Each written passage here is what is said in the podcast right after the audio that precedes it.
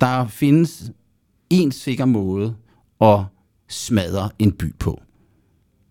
Udover bumpning, så er det huslejeregulering. Hvis vi regulerer lejerne på niveauer, der ligger under, hvad markedslejen ville være, så er der ingen mennesker, der vil vedligeholde de her boliger.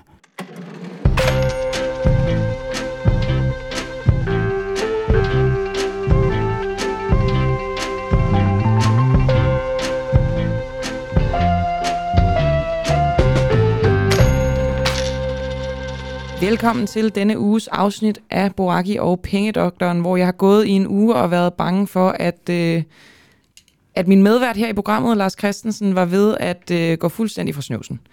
Og øh, det er fordi, der har været, altså Lars, du kan jo godt lide at øh, lave en masse opdateringer, skrive en masse blogposts, længere opslag på Facebook, på LinkedIn, skrive ting på Twitter. Særligt når vi har aftalt, at vi skal have et program om noget, så er det en god måde at informere min medvært på. Ja, ja. Og, det er jo, og det er jo smart. Yes. Øhm, men øh, det der jo også skete, det var, at øh, jeg kunne se, jeg skal nok komme ind på, hvad vi skal tale om i dag, men noget øh, gik igen i dine opslag.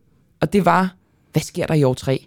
Jeg vil bare gerne have svar på, hvad sker der i år 3? Og, og, og jeg skal være ærlig at sige, jeg har jo sat mig ind i det, vi skal tale om i dag, men at du blev ved med at bide dig fast i det der år 3, jeg var sådan lidt, hvad er det, du snakker om, Lars? Ja. Har, du, har du tabt sutten? Hvad er det, der foregår? Der er nok mange, der vil hævde, at jeg tabte sutten for meget længe siden, men det, og det er da ikke så betryggende. det må vi tale med, med min læge om. Okay, Jamen, det, det kan godt være, at jeg skal, skal give ham eller hende et kald. Det er også ligegyldigt. Jeg vil hellere introducere øh, ugens emne, som jo, altså, det er jo selvfølgelig et politisk emne.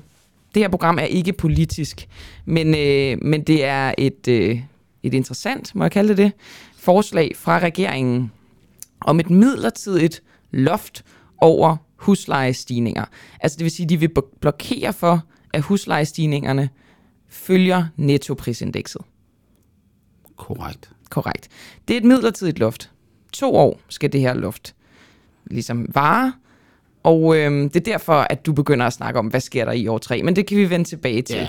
Først og fremmest, hvad var din første tanke, da du så det her? Fordi de røde partier, det er jo sådan, ej, hvor det er skønt, og det er synd for dem, øh, som ikke kan bo i deres lejlighed osv. osv. Som økonom.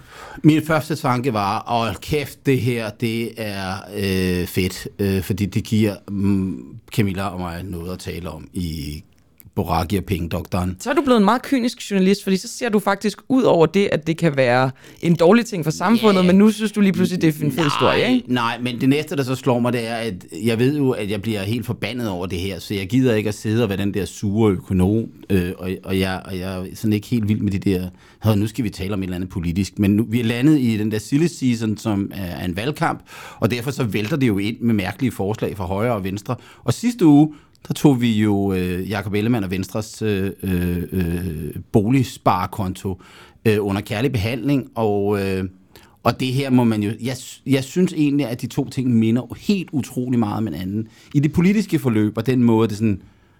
Okay, er det her noget, der er gennemtænkt? Er det gennemarbejdet? Og, øh, hvor opstod det henne? hvor opstår det henne? Og lige pludselig er det der bare. Så nu, vil, nu sagde du jo, og inden vi går i gang med alt for meget med det økonomiske. Noget, der er interessant i det her, det er jo, du sagde, det var regeringens forslag. Det blev præsenteret på Socialdemokratiets sommergruppemøde. Det er en usædvanlig måde at foreslå noget for regeringen. Jeg ved godt, det er en etpartiregering, som består alene af Socialdemokratiet, og formandens, Socialdemokratiets formand også er landets statsminister. Men det er reelt set ikke det samme.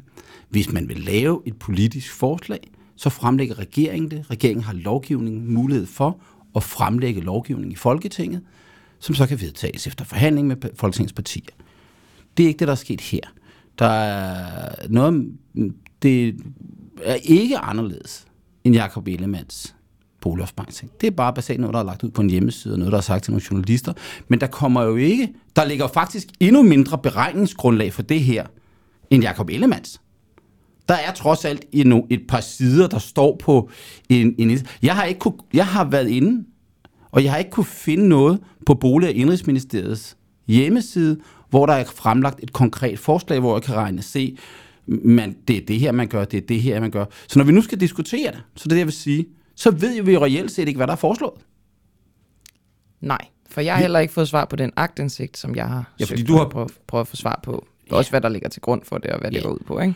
Så, men, men lad, så vi bliver nødt til at antage et eller andet om, hvad det er, man egentlig mener. Så lad os lige prøve at tage den der, og lad os prøve at afgrænse, hvad det er.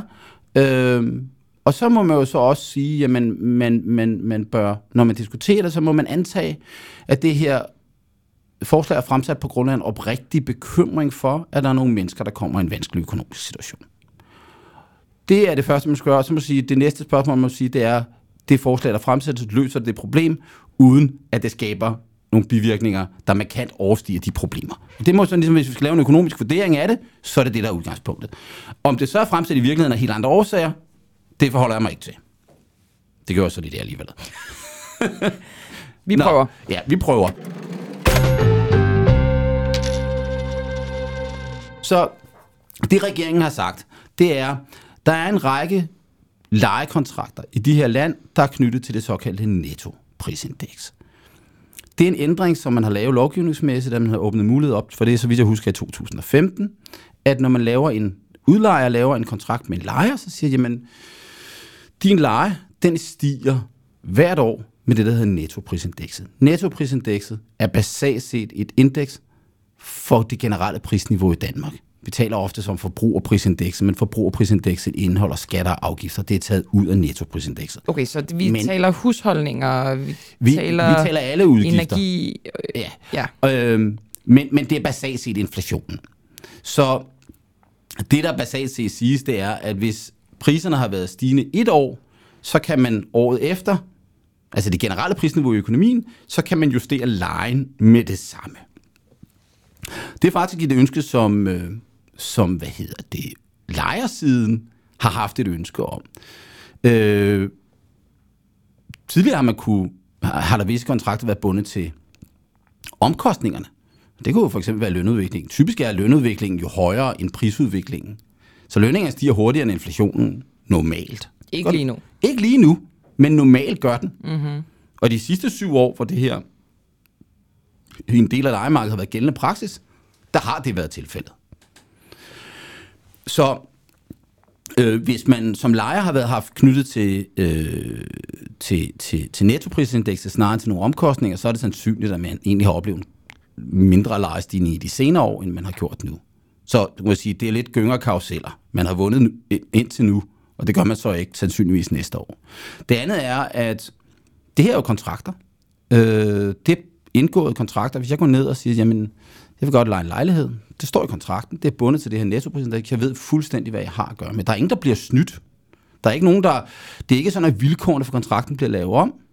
Det er fuldstændig stået i kontrakten. Og det er også derfor, at, at man må sige, at sådan, hvis jeg nu var ejendomsinvestor, for eksempel de store danske pensioner, de fleste danske pensionskasser ejer jo udlejningsejendomme. Så vil jeg være meget ked af, at de kontrakter, jeg indgår, de øh, kan blive revet stykker. Og det er jo så det, man delvis ligger op til. Ja, det er jo spændende, om man lovmæssigt... Ja, altså Kan jeg vil, jeg vil jo det. som ikke-jurist sige, at det der ikke er ekspropriation. Altså, når staten går ind og overtager privat. Ændre en kontrakt. Ja, Det kan ikke ske. Altså, par, altså øh, det, det, det vil jeg opfatte som grundlovsstridigt, men igen, altså det krænker den private ejendomsret. det krænker den private ejendomsret, aftaleretten, øh, det, det, det, men, men, men igen, det øh, kan jurister givetvis have mange forskellige holdninger om. Men, men det er sådan set ligegyldigt for et investeringsperspektiv. Så er det sådan set ligegyldigt, hvad situationen i det er, andet end at, okay, hvis, hvis kontrakter, ikke kan blive, kontrakter kan blive ændret med tilbagevirkende kraft af staten, så har man mindre lyst til at investere i det her, ikke? Jo, det kan man sige med mindre, med mindre man godt ved, det er en ekstraordinær situation. Pas Ja, på med at drikke alt det dansk vand, Lars. det Jeg kan kan vi- sige dig på lyd, så man får simpelthen en trang til at bøvse, som... Øh, jamen, det er fordi, man, man får meget øh, bøvsetrang. Jeg- er ikke så god til at slå store bøv, så jeg Nå, gør det det, er godt, aldrig det er godt. Nå, det er godt, det er. Nej, men øhm, Tilbage på sporet. Altså, ja. nu siger du, det går ud over deres lyst til at investere.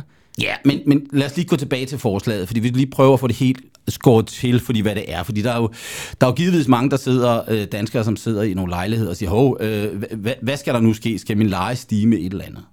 Op mod 1000 kroner om måneden, så vidt jeg så. Det, det kommer jo an på, hvad, det, hvad, hvor stor ens leje er og sådan noget. Men, men vi må for det første sige... Jamen, det er sådan nogle tal, der altid florerer, fordi ja. man tager det højeste tal, så det vækker skræk og redsel. Ja, nu må vi for det første sige, at øh, når vi nu taler om lavindkomstgrupperne, øh, folk for eksempel sociale overindførselsindkomster, de bor typisk ikke i lejelejligheder, der er knyttet til nettoprisindekset. De bor typisk i almennyttige boliger, som er omkostningsbestemt leje. Så de kommer ikke til at opleve det her. Så de, det er sådan nogle, der følger lønudviklingen? Ja, typisk morlæs. Ikke? Øh, det er sådan lidt forskelligt.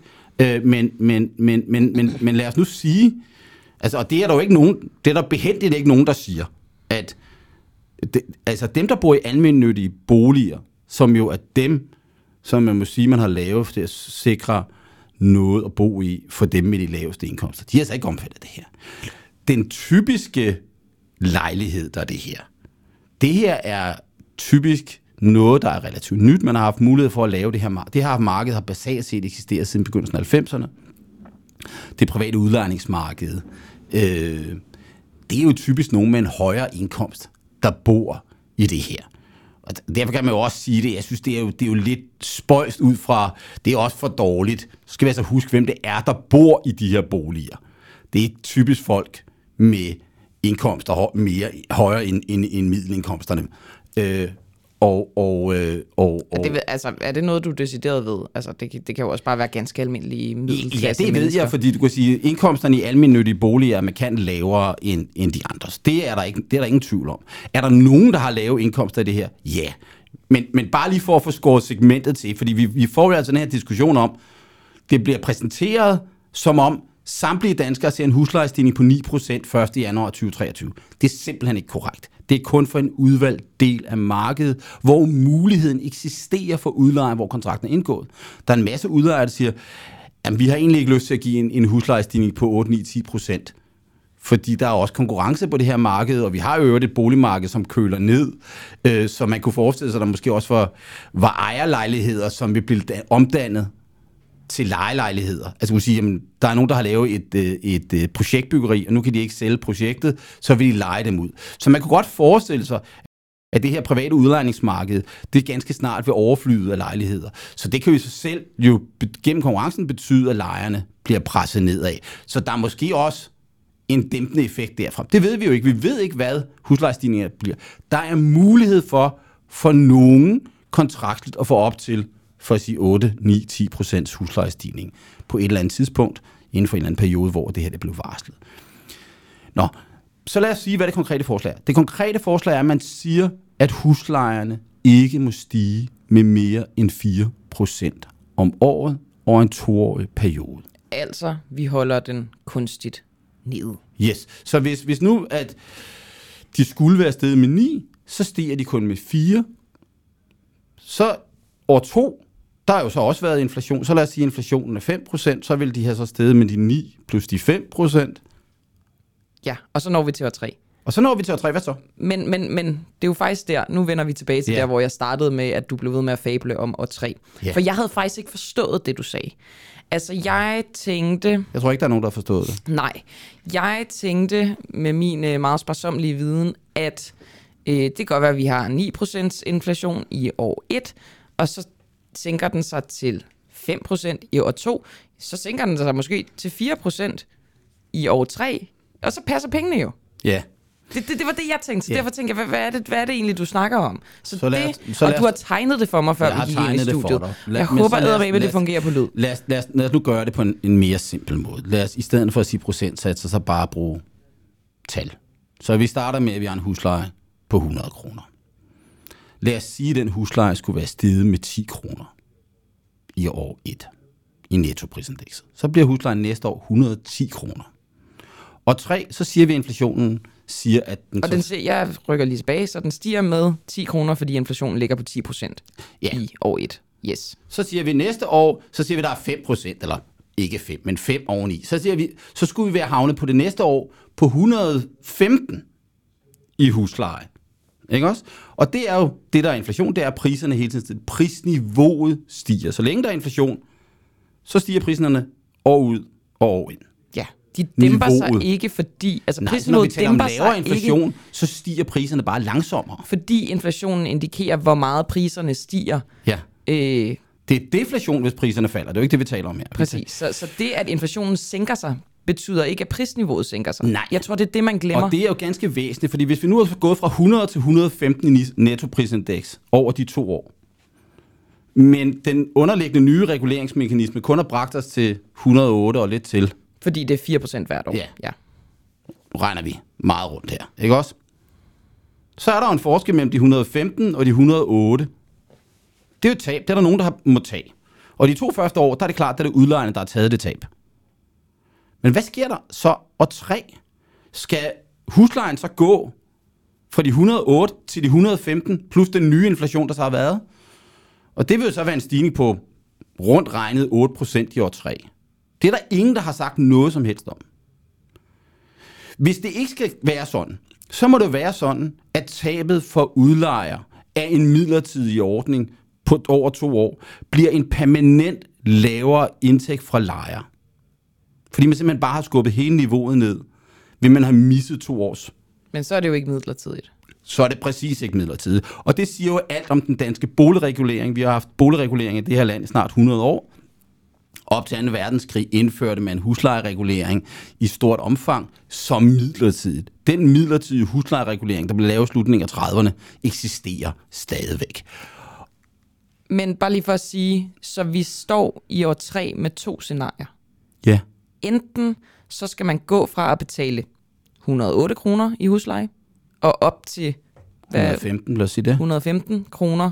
Så det er jo sådan et, det er jo også et chok, kan man sige. Det er det næste. Nu, nu, Ja, ja, nu, så- nu så- regner vi i 100 kroner, Ja. ikke? men du ved... Altså, Jamen, det, så står der jo så nogen der øh, øh, i år 3, og så politisk siger man, ej, det kan vi ikke acceptere. Det bliver for stort et chok. Og i mellemtiden er jo inflationen jo ikke kommet ned, vel? Det, der, øh, inflationen er stadig høj. Den er ikke måske ikke 10 eller 9, den er 6. Men kunne man ikke bare sige, at sådan... Ja, det er jo selvfølgelig lidt at tage, øh, hvad skal man sige, udlejerne i røven, men altså, så er det bare det. Så er det det, det er nu. Så bliver vi der på de 4 procent, så, fordi de kan jo ikke gøre det ikke. Nå, men så har, du, så har du jo permanent reduceret deres... Ja, det er rigtigt. Så har du fastfrosset det. Ja, og så må du så sige, hvis du nu siger, at lejerne permanent er, lad os sige, 5% point lavere, så må ejendommens værdi også være 5% lavere. Fordi værdien på ejendommen er jo defineret af de lejeindtægter, man kan få i al fremtid. Yes. Hvis den er permanent lavet 5% ned, lavere niveau, det er bare igen nogle tal, vi ikke helt slynger ud, men, Nej, nej, men at med. eksemplificere, Ja. ja. så er der nogen, der må tage et tab. Og så kan man sige, jamen, det er bare nogle øh, onde kapitalfonde. Det er jo det, vi hører. Ikke? Blackstone. Ja. Der er sådan et billede af, at der er nogle fattige mennesker, der bor i nogle lejligheder, som de der onde kapitalfonde ejer. At de der kapitalfonde ejer ikke nogle lejligheder, hvor der bor en masse fattige mennesker. Der, de ejer givetvis nogle ejendomme, hvor der er kontorer og alt muligt andet, og der er relativt høje indkomstgrupper, der lejer. Og øh, dem, der tager tabet her, det er blandt andet danske pensionskasser. Fordi de, de danske pensionskasser, det vil sige dig og mig, i vores pensionsopsparinger, vores pensionskasser, de har investeret i ejendommen. Og de ejer udlejningsejendommen. Og det, som pensionskasser rigtig gerne vil have, det er, at de kan sprede deres risiko. De ejer aktier, de ejer obligationer, de ejer udenlandske aktier, de ejer udenlandske obligationer, de har noget i kontanter, de Ja, det, det skal de, fordi der må ikke være en risiko ved at have en Ja. pensionsopsparing. Nej, så der skal spredes risikoen. De ejer også ejendommen. Og en af de risici, man skal tage hensyn til, hvis man er pensionskasse, det er naturligvis risikoen for, at der lige pludselig kommer inflation. Det kan godt være, at der har været 40 år med lav inflation, men hvis der lige pludselig kommer inflation, så skal man have en eller anden form for forsikring mod det. En forsikring mod det kunne jo være, at man købte noget, hvor værdien fulgte inflationen. Og hvis lejerne i de udlejningsejendomme, man har, er bundet til inflationen, så har man en inflationsforsikring. Hvis man siger nu, at vi kan ikke lave det her, så river man den forsikring i stykker. Så siger man til samtlige danske pensionskasser, alle de udlejningsejendomme, vi har, de er et, nu mindre værd. To, det er ikke mere en god forsikring mod inflation. Og så er det der, hvor jeg så siger det her der. Okay, når jeg nu skulle sætte mig ned, hvis jeg nu skulle sige, okay, jeg står over for et problem. Et identificerbart problem. Der er nogen, der kommer til måske at opleve et chok til deres, til deres private økonomi. Og så kan vi jo så politisk sige, jamen det bør vi ikke forholde os til, det er få mennesker, eller det har de altså selv skrevet under på, det skal vi ikke forholde os til, eller sige, det er vi meget bekymret for. Så lad os sige, lad os, lad os sige vi er meget bekymret for det. Så sige, hvad er den letteste måde at gøre det her på? Så vil jeg sige, okay, der er forskellige måder. Den ene var jo at, at, at sige til dem, jamen vi sikrer jer bare en højere indkomst. Altså, vi kunne jo bare sige, hvis det nu, var, hvis det nu alle sammen var studerende, så kunne vi jo bare løfte SU'en med 10 procent. Midlertidigt, hvis ja, ja. det er det, de ønsker, ikke? Så er problemet løst. Ja. Ikke? Øh, så skulle det finansieres, og så var det et andet problem, men så kan man gøre det. Så, så Man kunne det- også sige, at vi sætter alle skatter ned. Så var der lidt at betale af. Ja, jamen, det vil jo koste et eller andet andet sted, jo. Det vil også koste et andet sted. Jeg siger, der er ikke nogen, der har det. Og så siger vi, okay, den tredje mulighed, det er at sige, prisen må ikke ændre sig. Økonomen vil sige, det er grisfy. Fordi det, der er grisfy ved det her, det er, prismekanismen er noget rigtig godt noget. Prismekanismen er en rigtig god måde for at få det, vi kalder en effektiv allokering af ressourcerne i samfundet. Og hvad helvede er så det? Det, det er, det er, at prissystemet fungerer som et informationssystem. Hvis der mangler lejelejligheder et sted, så stiger lejerne. Så er der nogen, der får lyst til at investere i at lave boligbyggeri. Så kommer der flere boliger på markedet, ideelt set. Og så kommer priserne ned igen. Så det er, prissystemet fungerer effektivt. Du har lyttet til den første del af programmet Borakke af Pengedoktoren. Bliv medlem nu og hør den fulde version af det her og alle de andre afsnit. Gå ind på denuafhængige.dk. Det koster 59 kroner om måneden, og det tager kun to minutter. Tak fordi du lyttede med.